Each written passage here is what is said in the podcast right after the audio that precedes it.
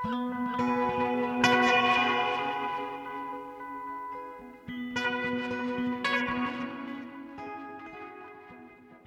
og sæl, kæru hlustendur.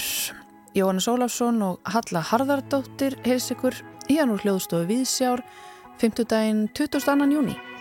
Og í þætti dagsins Saga Cesars, óperu söngvara og flótamanns frá Venezuela. Langavillesa og Chronic Pain og Læknir verður til. Já, það er reyndar einn auka manneskja hérna með okkur í stúdjón í dag og það er hún Telma Hrönn Sigurdórsdóttir. Hún er búin að vera í starfsnámi ára á seitt síðustu daga og við fáum eitt innslag frá henni í þætti dagsins. Innslag sem að tengist söngkáttíð í Hafnaborg sem stendur yfir um þessa myndir. Telma, er ekki bara best að þú segir okkur frá efni dagsins? Jú, takk. Um, ég hitti söngvara, stór tenor frá Venezuela sem heitir César Alonso Barrera. Hann er hælisteitandi hér á Íslandi og er að syngja á tónleikum næstkomandi sunnudag á söngkáttíðis Hafnaborg. Hann og Guðrun Jóhanna Ólastóttir söngkona og listrætt stjórnandi háttíðarnar sögðu mér frá lífi Césars, heimalandi hans Venezuela og svo tækifærum á Íslandi. Já, mjög spennandi. Algjörlega, og við heyrum þetta Undir lók þáttar. Þættinum. Já. Uh, en við fáum líka bókaríni frá Gretu Sigriði Einarstóttur. Hún var að lesa nýja íslenska bók, Læknir verður til eftir Henrik Geir Garcia. Henrik Geir er læknir með 8 ára starfsreynslu og hefur starfað á þremur sjúgráðsum og yfir 20 heilsugjæslu stöðum um land allt.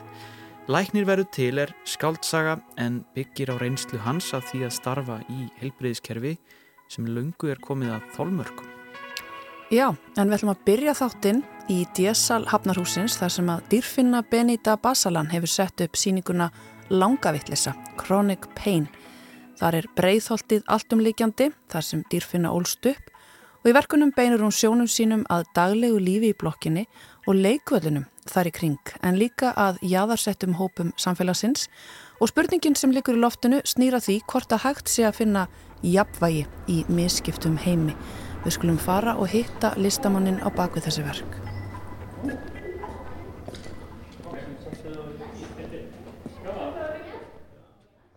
Dýrfinna, það sem að grýpur aðtegli manns þegar maður kemur inn í dísalinn er þetta vegasalt.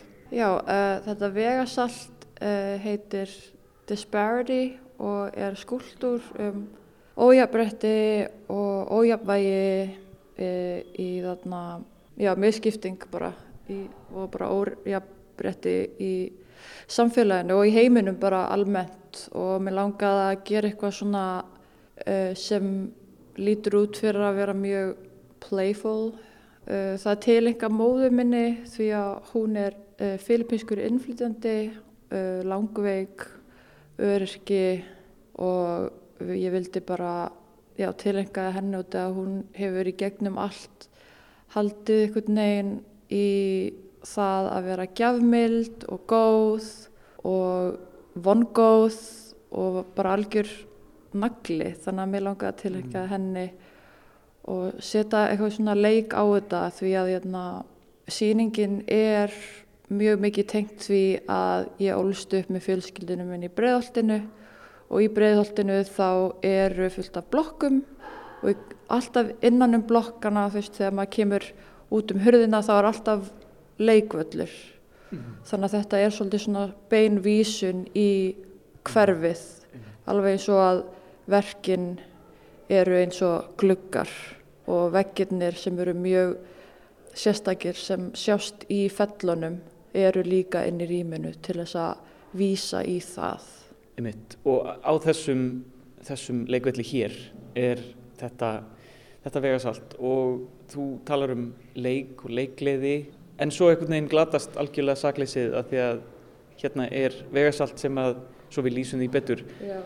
það eru þrjú sæti öðrum meginn og bara eitt hinum meginn mm -hmm. þannig að það, það mynd, og það er svart á litin eða svona grátt. Þannig að það, það missir algjörlega einhvern veginn tengslinn við þennan, þennan leik sem er kannski svolítið svona þráðurinn í þessum verkum Einmitt. Öll verkin eru mjög marglaga og hafa uh, margar sögur á bakvið þau þannig að jæna, já, þessi þrjú sæti eiga tákna bara the working class, vinnufólk sem heldur uppi fyrirtækjum fyrir sá sem er með völdin og á fyrirtækið. Mm. Þetta er annar partur af þessum lögum sem að ég tala um í verkinu. Líka það að alast upp á Íslandi og í bregðoltinu þá hef ég og frændsískinni mín lend í, og bara vinir sem eru blandaðir Íslandingar, mm. hafa lend í einaldi síðan við vorum börn og, og ég, ég er með mjög svona skýra minningu af því að vera á vegaselti og tveir krakkar að svona viljandi pomsa mig og ég detta á andlitið. Þannig að þetta er svona marglaga og, og þannig er það með öll verkin hérna inni. Þau vísa í, í, hérna, í sögu, í sögu fjölskyldanar minnar og minna persónlegu sögu og vina og frændfólk. Þannig að þetta er mjög mikil vísun líka í uh, upplifun allavega brúna innflytunda á Íslandi. Og þú talar um uh, breyðholtið er náttúrulega svolítið allt um líkjandi hérna og við sjáum til dæmis eina fyrstu myndunum sem við sjáum þegar við komum inn allavega hérna megin. Já. Það er þessi mynd af uh, því sem er kallað langavillesa og nafnið á síningunni vísar í, ekki satt? Já, uh, þetta er blokka bak við langavillesuna en síning, við langaði að nota langa vittlisuna á þetta því að það er svo íkonist, íkonist blokk í, í fellunum. En uh, já þetta er blokk sem á í raun bara að tákna allar blokkirnar. Og það eru mjög svipar og alveg eins eftir mjög mikið líf í öllum blokkunum. Uh, og svo hérna í forgrunni er einmitt þessi veggur sem maður sér hér og þar í fellunum sem eru einmitt líka mjög svona uh, mikið leikur í mm allavega krakkar í bröðoltinu mun eftir því að hafa verið að klifra á þessu, klifra undir til að styrta sér leið í skólan og bara búa til svona leiki út frá. Mm. Og svo er ég hérna líka að uh, taka grafíti beint úr breiðholtinu og setja þá í verki mitt til þess að draga fram það að, set, að vilja vera heyrður, mm. að, vilja, að vilja fólk hlusti á mann, að vera partur af ykkurju og að vera ykkur sem að grafíti byrjaði mjög mikið sem og mér langaði að færa það inn út að ég á líka sögu í að spreyja á veggi. En líka bara út af því að mér finnst svo einstaklega fallegt að það komi svona margir einstaklingar saman og, og eru svolítið svona að segja hér er ég. Mm -hmm. uh, alveg eins og það sem er að gerast í myndinni er ofbeldi og það sem að batnið í myndinni er það er þarna skilur og það er ofbeldi að gerast í næsta herbyggi og þú veist allt sem er að gerast í glukkonum þetta er allt uh, bara beint úr sögunni minni mm -hmm. og minna nágrana um, þannig að þetta er allt svona sannsögulegt og vittnar í hvaða er mikil fjörbreytileiki í breyðholtinu og hvaða eru margir uh, fjölskyldur og einstaklingar mhm. komnir saman á þessu svæði En sko veggurinn fyrir framann hérna fremst á myndinni þar sem veggjakrótið er og, og þetta er svona svolítið eins og virkisveggur það svona, myndast þessir, þessir, þessir gluggar sem við getum kíkt inn í og það vísar í líka uh, bókstarlega þú ert með vegg hérna Já. sem hluta síningunni Já. sem að maður getur einhvern veginn kíkt í gegnum Algjörlega þú veist þetta er þú veist hugsunin fyrir mér var svolítið að þegar maður er utan gátt að uh, þá lappar maður svolítið á vegg og vill vera partur af heldinni mm -hmm. og það er svolítið ástæðan sem að mér langaði að hafa veggin átta því að veggin er takna einmitt svona skiptingu en þessir veggir eru líka eins og vegasaltið mjög svona playful og, og með karakter og líka það að þetta er bara eitthvað sem er fast í minningunni frá því að ég var barn. Þannig að þetta er svolítið svona að geta kíkt og verið, vá, mér langar að, mér langar að vera partur, partur af þessu, mér langar að leika með, mér langar að komast yfir, komast í gegn. Mm. Þannig að það er svolítið svo pæling hjá mér. Já. En er ekki, er ekki líka einhvern veginn eitthvað brot? Af því að sko vekkurinn er einhvern veginn ekki, Já. hann er ekki alveg heill. Nákvæmlega. Þannig að það er einhver, einhver séns og eitthvað, eitthvað jafnvægi sem þú talar um og það náttúrulega vísa líka í vegasaltið að, að mynda jafnvægi. Já, út af því að út af þessum leik, út af því við notum oft húmor og leik til þess að líða betur mm. eða að gera létt úr hlutunum og til að gefa manni von þannig að það sé eitthvað ljós og það er einmitt þú veist glukkar í vegnum og svona mm. þannig að það er, það er eitthvað skonar rifað þarna Já. og von og ég hefði aldrei ímyndað mér að ég væri með síningu í listasafni Reykjavíkur þegar ég var ung eða lítið barn eða hvað. Ég hefði aldrei, eða bara unglingur þú veist. Ég er að svo ég viti er ég fyrsti brúni Íslandingurinn til að vera með síningu í listasafni Reykjavíkur. Þannig að það er mjög stórt og það þýðir að það er eitthvað, eitthvað að gerast, það er eitthvað hreyfing í gangi þannig að veist, það er alltaf eitthvað von og það er alltaf hægt að komast í gegnum reyfurnar. Þannig að þetta er ekki bara persónulegt að hafa komist hingað, þetta er líka, þú sér þetta einhvern veginn sem, sem hluta af starra? Já, starra mengi og hvernig samfélagi hefur breyst og vonandi mun breytast meira. Hvað er búin að vera að vinna að þessari síningu lengi? Ég er búin að vera meir og minna að vinna að henni í ár með svona bylum inn á milli. Um, en jæna, hérna, seinasti spölurinn í svona mjög svona hörðu hvað segi ég svona harðari dagskrá hjá mér var um, allavega svona fimm mánuðir. Mm. eða sex mánuðir og hérna, það tók svolítið tíma að smíða, ég held að það myndi vera einfaldara að smíða þetta vegasalt, ég er alltaf aðeins og hérna, vongóð með, með þetta allt til dæmis, þú veist, þetta er í fyrsta skipti sem ég hef verið að gera verk sem eru svona stór með blíjandi mm. og já, ég, ég gleym alltaf hvað það tekur langan tíma að gera hluti. Þannig að þetta tók lengri, tími, lengri tíma en mér ætlaðist en mér hófst þetta, mér tókst þetta já. og þannig að, já. Sko þú notar um, til þess að gera myndirna sem hanga á veggjónu, þá notar þú blíjant? Já, ég nota blíjant í öllum myndunum, svo er ég með uh, svart blek í erbrössgræu og svo nota ég líka bara tréliti og í einni myndin er ég líka með óljupastel þannig að þetta er svona blöndu tækni sem að ég er að nota. Mm.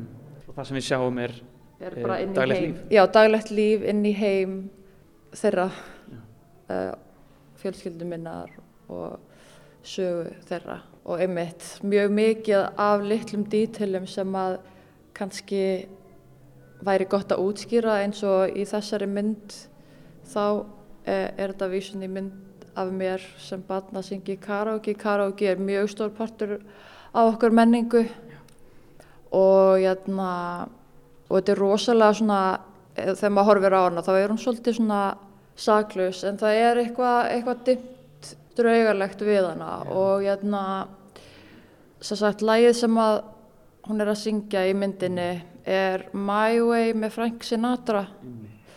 og eins og margir þekkja þá er það bara mjög epíst lag og mjög mikið um að vera stoltur af sjálfu sér og að gera hlutina eins og maður vill þá. En jæna, hérna, svo er líka saga á bakvið að jæna, hérna, síðan 2002 þá hafa verið 12 morð á einstaklingum sem voru að syngja þetta lag í karaoke í Philipsum.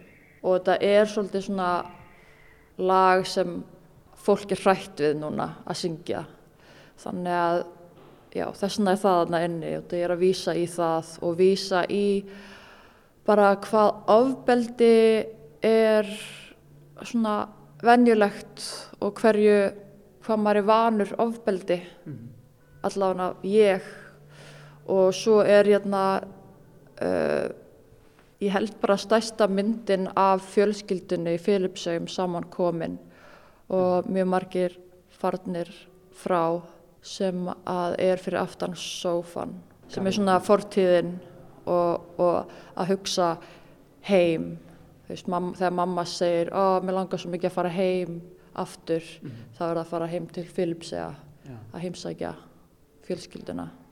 Þannig að það er svolítið svona pælingin með að hafa svona fyrir aftan. Það er alltaf, veist, maður er hér og svo er maður líka með heima annar staðar út af því að maður á í raun ekki heiman neinstaðar í maður, þótt að þetta sé heima þá er, er maður aldrei heil einhvern veginn Já.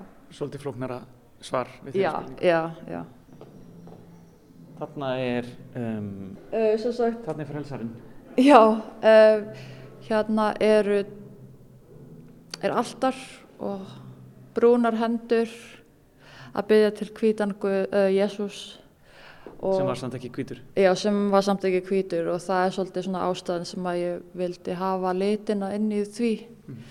Það er ryggning úti og vísa svolítið í fyrstu myndina og það er allt grátt og núna er ryggning og maður getur séð í næstu blokk á bílastæði þannig að þetta er svona strax hérna vera að vitna í að búa í brjóðoltinu og svo er frelsarinn í, í miðjunni mm -hmm.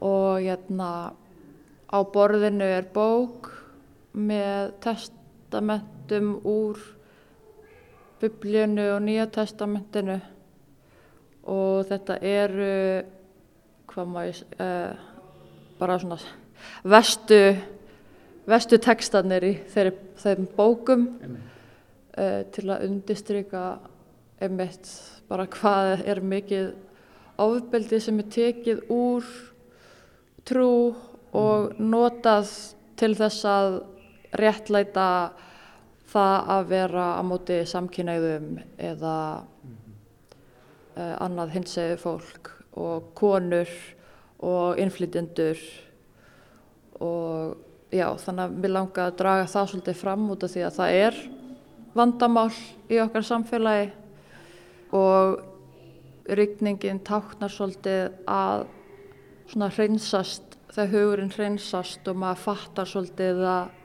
ekkert er eins og það sínist mm. og þetta er allt katholisismi sem er einmitt trúin sem var ítt á Filipseinga þegar þau voru nýlenda í 300 ár mm. það var ekki katholismi mm.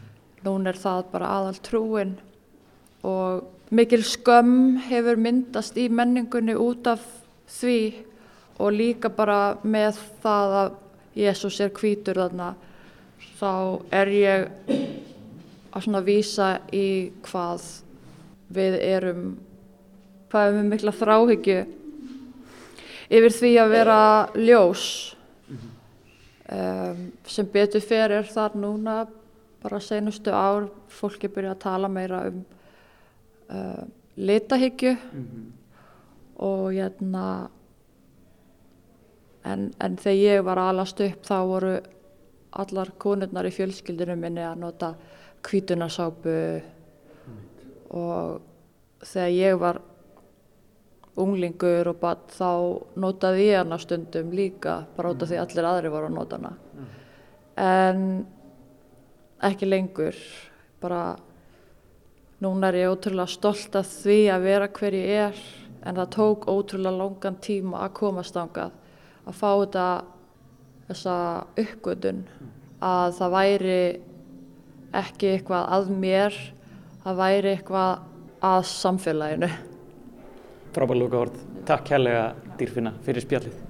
Takk Það var dýrfinna Benita Basalan sem sagði okkur þarna frá síningu sinni Langa vittlisa Chronic Pain sem stendur yfir í DSL Hafnarhúsins og það er hægt að fara á heimsæki þessa síningu fram til 20. ágúst.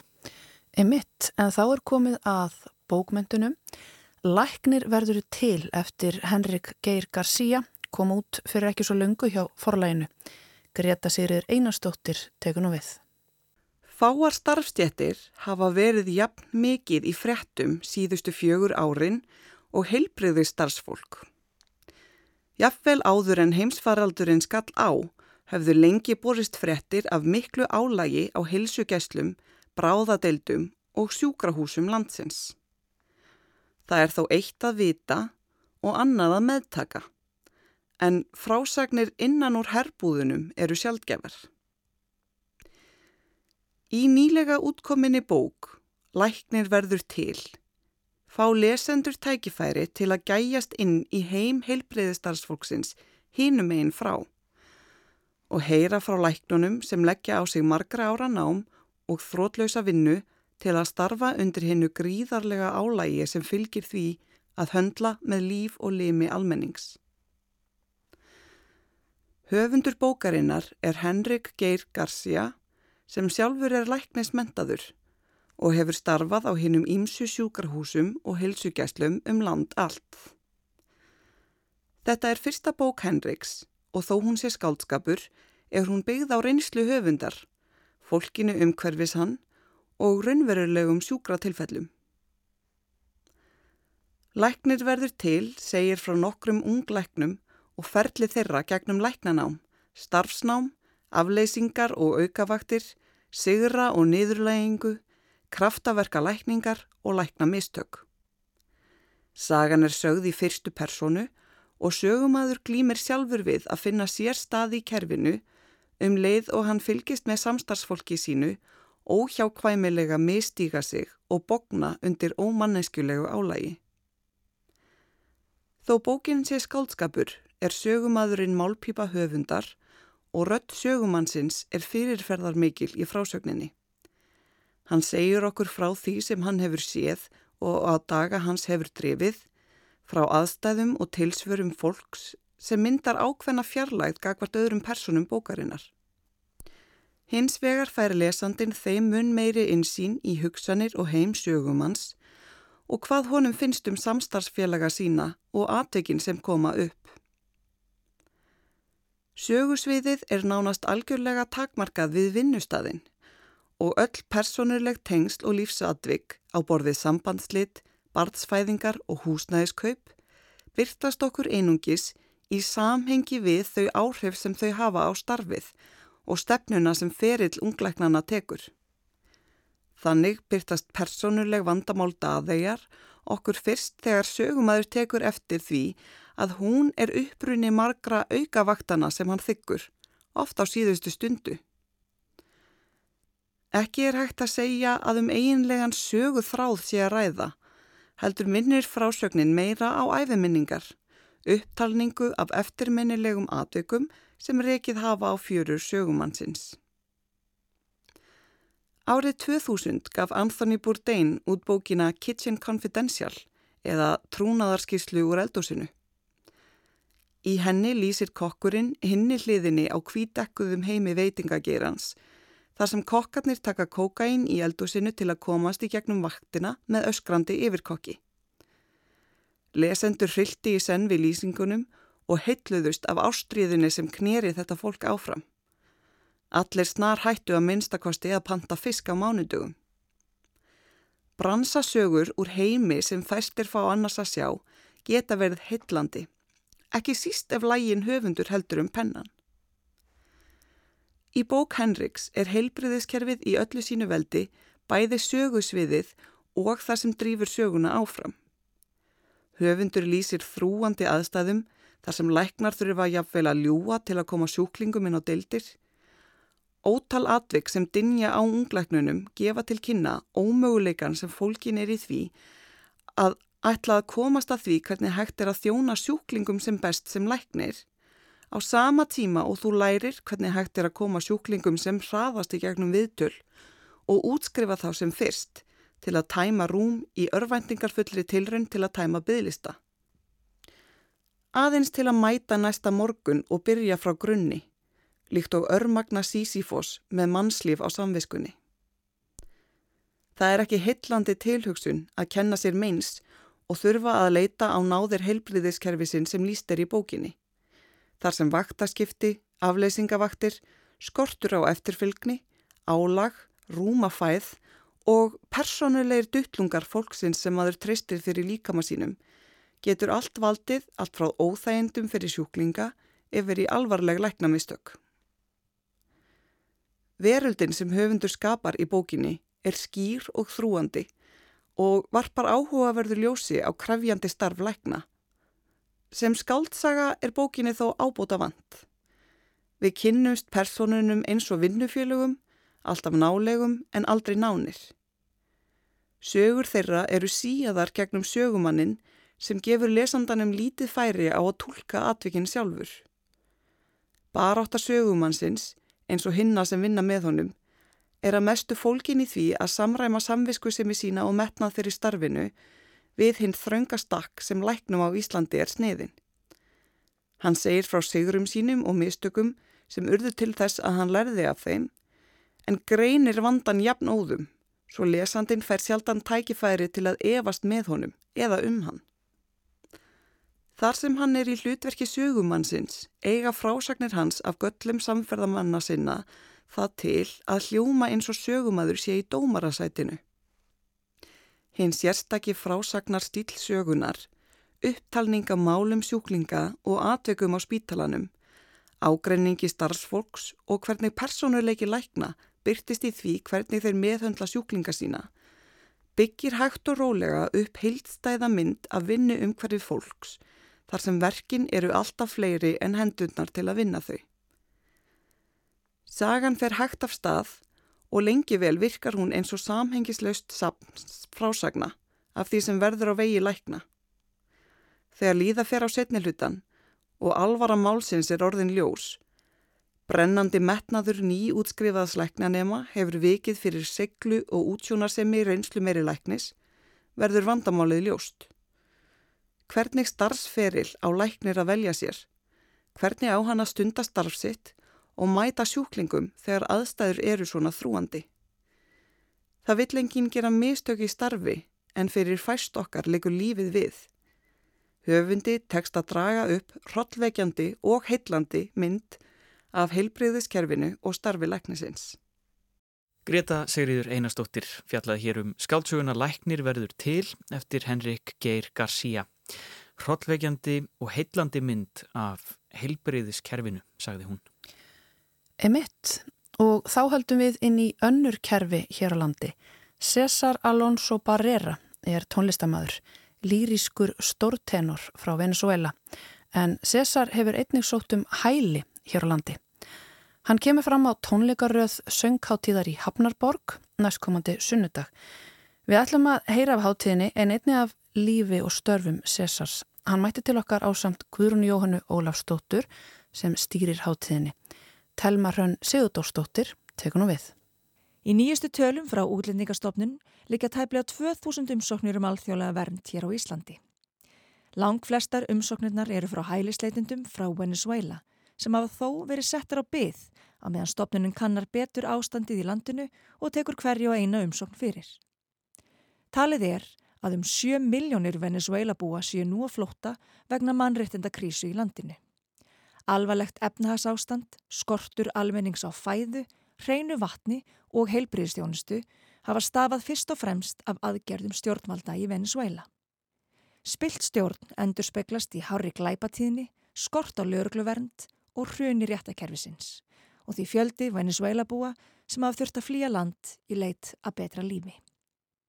César Alonso Barrera er tónlistamæður, lýriskur stórtenor frá Venezuela. Hann er óperusöngvari, hljónsvöldastjóri og þauki píanóstillir. Hann hefur sungið víða í heimalandi sínu Venezuela en helstu tækifærin urðu í Argentínu. Hann er mikill aðdándi Jussi Björling sem leiti hann að Íslandi sem hann líkir við Paradís.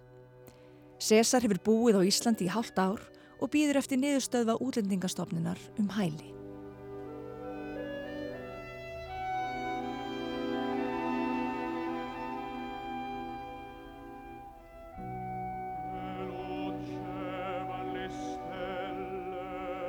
Mi sueño eh, siempre ha sido este, cantar desde, desde muy pequeño y, y bueno, por, por, esta razón eh, que he vivido en mi país, eh, se, ha, se, ha, visto eh, bloqueada, ¿no? De alguna manera.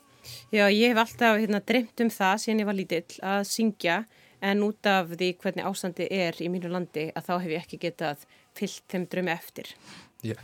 Porque la, la vida de los artistas es muy dura allá, eh, principalmente porque para participar de actividades culturales tienes que ser afín al, al gobierno. Vegna, og líf listamanna í Venezuela er mjög erfitt vegna þess að til þess að fá tækifæri til þess að taka þátt í einhverju listrænu þá þarf það að vera tengdur ríkistjórnini. Mm. Y, pero bueno, eh, allá estudié y, y bueno, y, y, he llegado acá en, en búsqueda de, de, de, eso también, ¿no? De no, de no perder ese, ese rumbo, de, de hacer una, una carrera musical. En ég lærði þarna en ég kom hinga til þess að halda áfram á minni vegferð e, til þess að hérna, eiga möguleika á því að eiga svona listrana framtíð. Mm -hmm. Hér talar Guðrún Jóhanna Ólafsdóttir, söngkona og samstarfsmaður Césars. Ég spurði þau í hverju liggur munurinn á löndunum sem César hefur búið í. Venezuela, Argentina og svo Ísland. ¿Ves una diferencia entre estar aquí en Argentina y en Venezuela? Sí, eh, hay una diferencia uh, grande, it's a big difference. Uh -huh. eh, eh, no solo por la seguridad social que hay la, la, la, en, en las personas, ¿no? Það er mjög mikill munur, ekki bara út af því uh, út af öryggistilfinningunum sem þú færið að vera innan um fólki sem býr í hérna. Eh, sino también por, por, por la cantidad de oportunidades que hay para, para, para surgir. Eh, Heldur líka verðins að það eru svo mörg tækifæri til þess að, hérna, já, til þess að nýta sér. O para vivir dignamente, o sea, para vivir eh, normalmente. Og líka bara til þess að lifa eh, svona sæmilegu lífi, góðu lífi. Pero en cuanto a la gente, por ejemplo, yo he escuchado que, que, por ahí los europeos son un poquito fríos, pero no, no nada, nada que ver. Eh, eh, por lo menos en Islandia son Yo lo diría que son los latinoamericanos de Europa. Hann segist að hafa heyrt sko áður að kom hérna til Európa og Európa búar væri svona frekar kaldir, svona væri ekki mjög svona hlýjamanneskjur en hérna, en hún er stert á móti fólki sem hann hefur kynst hérna á Íslandi vera mjög hérna hlýjamanneskjur og, og hann er svona kannski sé hérna, kannski sé Ísland einhvers konar söður Amerika, Európu. Hlýju Íslandingar, annað en veðrið. A diferencia del tiempo,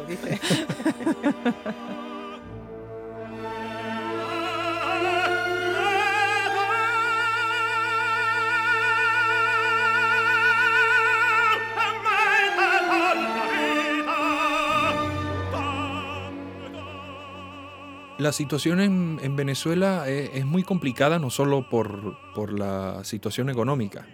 Já, ástandi í Venezuela er mjög flókið, ekki bara út af svona efnahagslegum aðstæðum. Eh, es, el, el, mayor problema es la situación eh, de seguridad social que se vive en, en el país. Mikilvægasta er í rauninni sko, er öryggið eða óöryggið sem almenni borgar að búa við. Eh, es por esa razón la principal causa de que la gente está saliendo buscando su seguridad eh, eh, personal, ¿no? De, de, porque el, la vida de las personas corre en peligro. Og það er þess vegna sem að fólk er yfirgefa landi það er til bara að gæta í einhverjum og fjölskyldu sinnar vegna þess að þau eru mjög mörg í lífsættu. El, la, la inseguridad es, es tan grande que, que, que, que te pueden quitar la vida por si no quieres entregar tu celular. Já, því einhver getur drepiði bara til þess að ná að þér símanuðin. Y, la, y todo el sistema de seguridad está corrompido ¿no? por, por, por, por el Estado, está todo, eh, hay una corrupción tan grande que, que es incontrolable. Og það er svo rosalega mikil spilling að hún er bara, gjörsamlega ekki hægt að nániðni stjórn á henni, þannig að það er ekkert að trista yfirvöldu með lauruglunni. Es por esa razón que, bueno, que, que mucha gente eh, encuentra en, en, otro país eh, como, como Islandia, no solo Islandia, sino otros países, encuentra por lo menos vivir eh, tranquilo, en paz. Og þess vegna sem að fólk fer til að minnstakosti geta bara lifað eh, örugu lífi þar sem það hérna, já, er ekki lífsættu og lifir bara í friði. Bueno, en mi caso particular, eh, en- en- un poco antes, poco tiempo antes de salir, eh, en mi casa se metieron un grupo de, de personas armadas ah, para, para amedrentar a mi familia, o sea, robarnos, quitarnos todo y, y básicamente cuando se meten en tu casa en Venezuela, tú tienes que estar preparado porque normalmente te, te quitan la vida. Ég að normal. segja, í sínu tilfelli til dæmis, eitt af því sem hafði eh, sem mest áhrif á hann ákvað að flytja frá landinu var að, veist, að, að það voru menn, bara vopnaði menn sem að brutust inn á heimil hans og fjölskyldans til þess að ræna bara öllu sem að þau eiga og hann segir, þú veist, yfirleitt það sem að gerist í þessum aðstæðum er að þau drepa líka fólki sem á heima í húsinu sem hefur verið að ræna.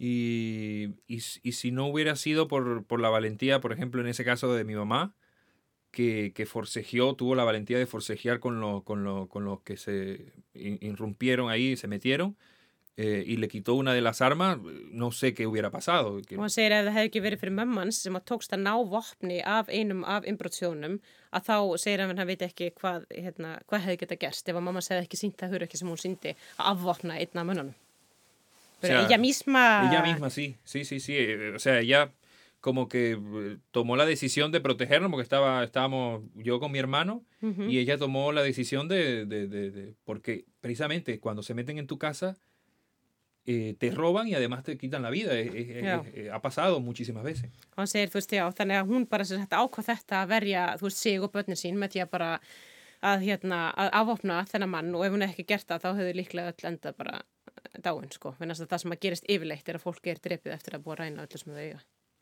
Y si tú denuncias es, es como peor porque el- el- la, la policía está, in- eh, está infiltrada por, por, por el- la delincuencia, o sea, por- es como que todo lo mismo. að sí, og ef þú leggur fram kæru þá er það í rauninni verra vegna þess að lögreglan er í, er, sko, í viturði með glæpamennunum þannig að þá vita þeir að þú hefur lagt fram þessa kæru og þá ertu ennþá verri aðstöðu ef að þú hefur lifað af.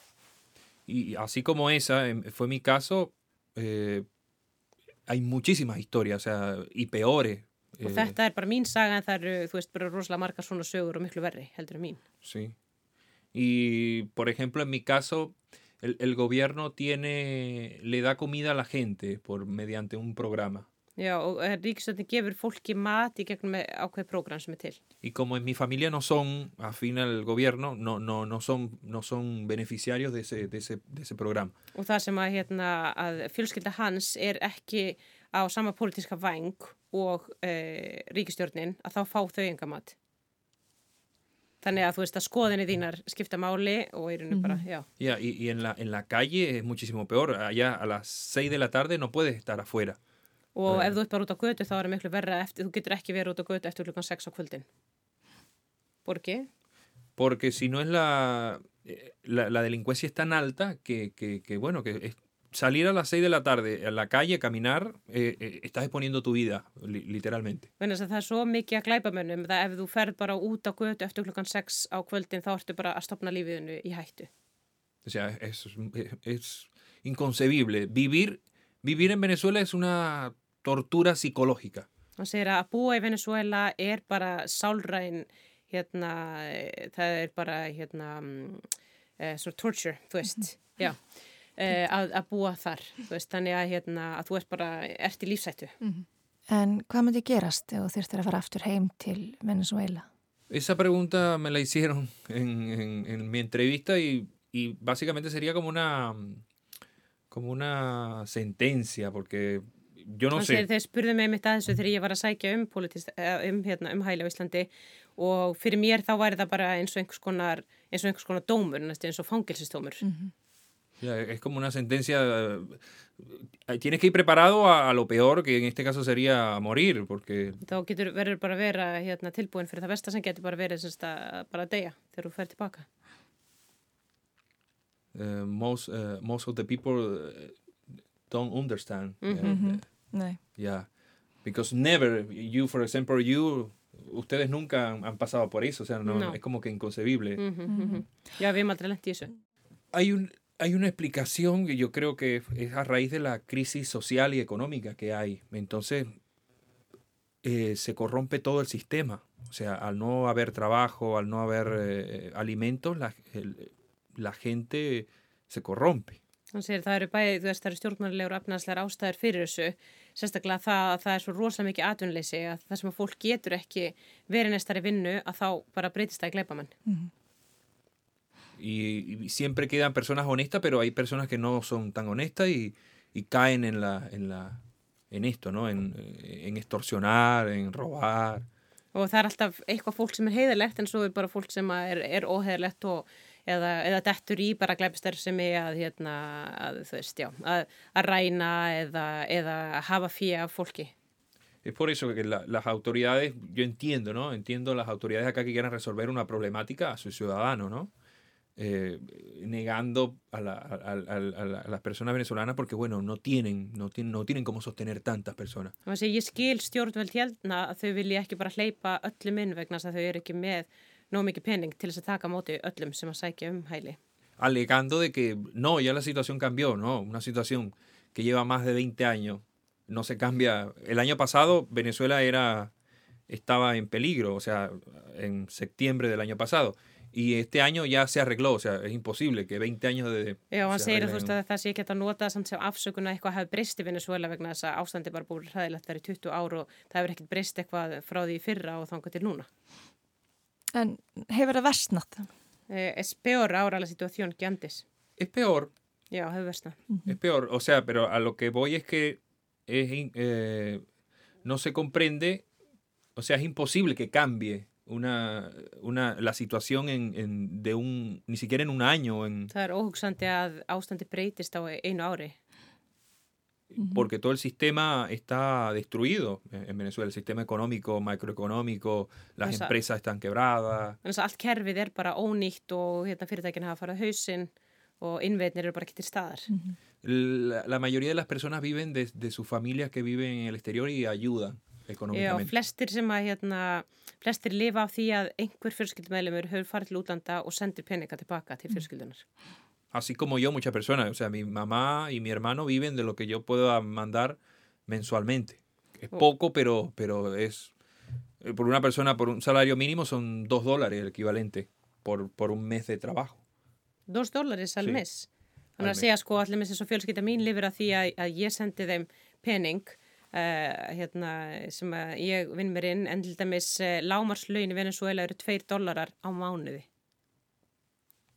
Yo lo escucho y no lo creo tampoco, no sé cómo, cómo la gente... El... Hann segir ég hlustaði ég trúði ekki heldur ég skil ekki hvernig fólk getur lifað af. Mm -hmm. Y por eso la gente cae en, en, en, en, en corrupción, la policía. O sea, es un sistema que está totalmente podrido, está, está, es muy difícil que, que se revierta eso porque son muchos años. Mm -hmm. Og það er þess vegna sem fólk bara snýr sér að, að glæpa mennsku og, og, og svo les og það er mjög erfitt að breyta ástandinu. Mm -hmm. Eða flýr.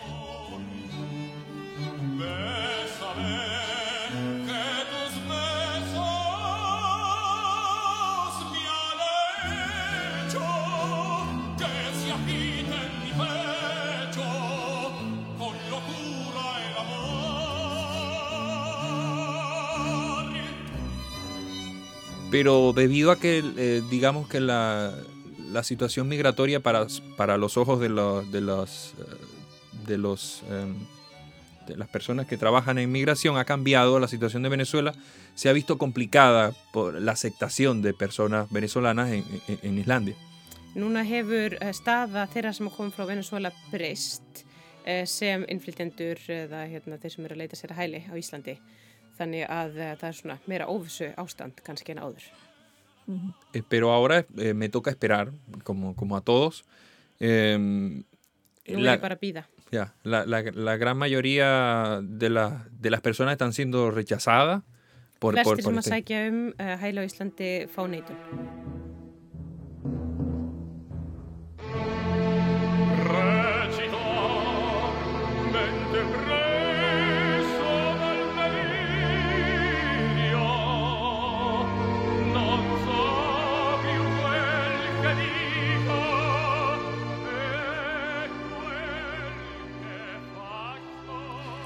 Langar að vita meira um tónleikana næstkomandi sunnudag í Hafnaborg.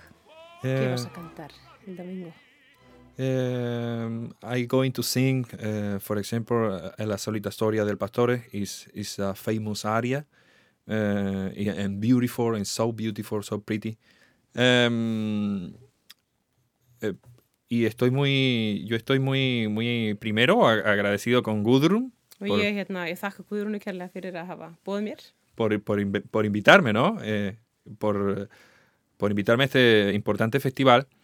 Y bueno, yo estoy um, entusiasmado con cantar este programa que, bueno, va desde, desde Chilea, de la solita historia, eh, pasando por Donizetti, eh, famosa área de, de Elixir d'Amore. Já, þannig ég er mjög þakkláttur og mjög spenntur að hérna syngja á þessum tónleikum alveg frábært rep repertoár sem fer hérna frá Chilea og syngur líka eh, Donizetti, mjög fræga ariu. Já, en Luce Van Stelle is a famous area and beautiful, beautiful um, quartet Rigolet and, and duet uh, uh, by Traviata, uh, of Traviata. Yes, yeah? yes, yeah, yeah. Traviata. Yeah, mm -hmm. Traviata. and, Rúnarsdóttir. yeah. and it's a, a, beautiful, it's a beautiful mm -hmm. programs mm -hmm. for that day. Og það var einmitt Hallvegi Rúnastóttir skýt aðeins inni sem að hérna bendi mér á César að hérna því hún var að syngja í Verdirequiem hjá Jóhannes Mára hérna í Reykjanesbæ og, uh, og hann saði henni frá þessum frábæra tenor sem að hann hefði uppgötað þannig sem hefði komið frá Venezuela þannig að Hallvegi saði mér frá hennum og ég fór að hlusta upptökur og, og hérna og bara ákvaða bjóðanum að koma fram á hátíðinni Þannig að hérna, já, ég er ekki svo fyrsta til þessu uppgötan. Já, já, frábár vegferð, en þú hins vegar hjálpar honum að komast áfram í Ísland. Já, sjálfsögðu, já, mér finnst bara mjög mikilvægt en náttúrulega að hérna, að á Söngkátti í Hafnaborg að það komi fram frábæri listamenn, svona mjög hámstandard uh, og þar að auki finnst mér líka bara mjög gott að geta gefið listamanni tækifæri sem að hefur ósað mikla hæfileika og löngun til þess að búa á Íslandi, gefa honum tækifæri til þess að koma hérna fram og, og, hérna, og við hjálpum honum líka í hans umsókn e, til þess að sækja um hérna, leifi að búa á Íslandi og, og hérna, ég held að það væri bara bæði gott fyrir hann og líka fyrir Ísland að fá hengað. Já, segðu mér,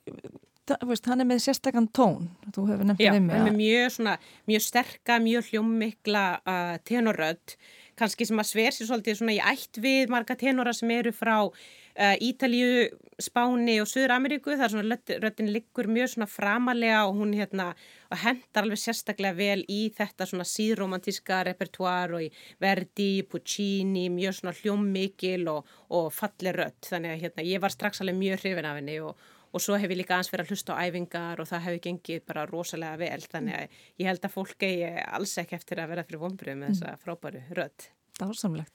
Um, ég minna fyrir, bara fyrir manni svo César að, að eða hann væri Íslendingur eða hann væri vestur Európabúi, væri þá allt önnur framtíð fyrir hann? Já, algjörlega, þá væri allir búin að styrkja hann bara upp í topp sko, bankarnir og, og þú veist, við náttúrulega sem erum Íslendingar eh, við veist, lærum í tónlistaskólum hérna og það er ekkert mjög há skólagjöld, þau eru náttúrulega, við þurfum að borga eitthvað en við getum fengið námslán líka til þess að fara til útlanda, til þess að fara í framhaldsnám Uh, og svo ég sjálf til dæmis uh, fekk alveg ótalmarka styrki sko, frá Íslandsbankunum og frá þessum og hinnum og styrtasjóðum og, og svo leist þú veist til í mínu námi og, hérna, og þegar ég var að koma mér á framfæri og svo náttúrulega starfslun listamanna og, og við erum með rosalega mikla innviði sem hjálpa okkur, okkur listamannum auðvitað myndum við alltaf vilja fá meira og allt það.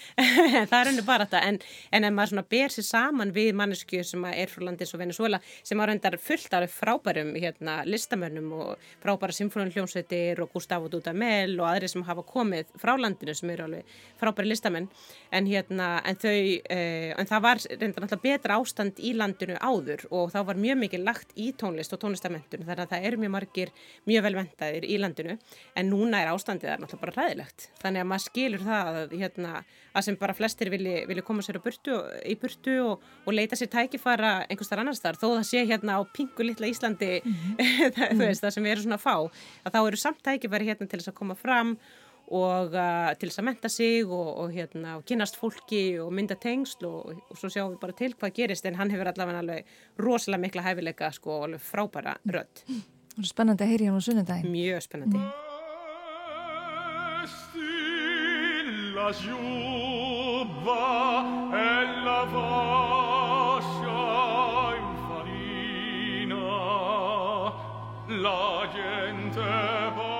En segð okkur aðeins meira frá hátíðinni. Þú ert settir í hvað skipti? Já, þetta er bara sjönda skipti Já. sem að, hérna, við höldum hátíðina og mm -hmm. COVID stoppa okkur ekki eða neitt svo leis og hérna og bara mjög spennandi hátíð. Hún byrjaði eh, með, eh, með tónleikum við ljóð eftir eh, Þórin Eldjárn en svo er alls konar, það eru tvennir kórtónleikar, eh, það eru íslenskir og erlendi kórar sem er að syngja eitt stórst uh, samstagsverkefni, það er alveg með uh, þryggja landa kór sem er að fara að koma og syngja með íslenskum kór og það er óperutónlist og baróktónlist og fjölskyldutónleikar og, og þjóðlög og íslensk sönglög og hérna, er, þetta er sem sagt uh, áttatónleikar alls og allir órafmagnaðir, ég kannski geti sagt að það er svona það sem er sérstætt við þetta, þú veist að hérna, þetta er ekki sko rafmögnu tónlist, en svo eru mjög mörg hljófæri sem koma fram, strengja kvartett, semball, piano, e, fyrla, langspil, flauta, ímisljófæri, en röttin er í fyrirrumi.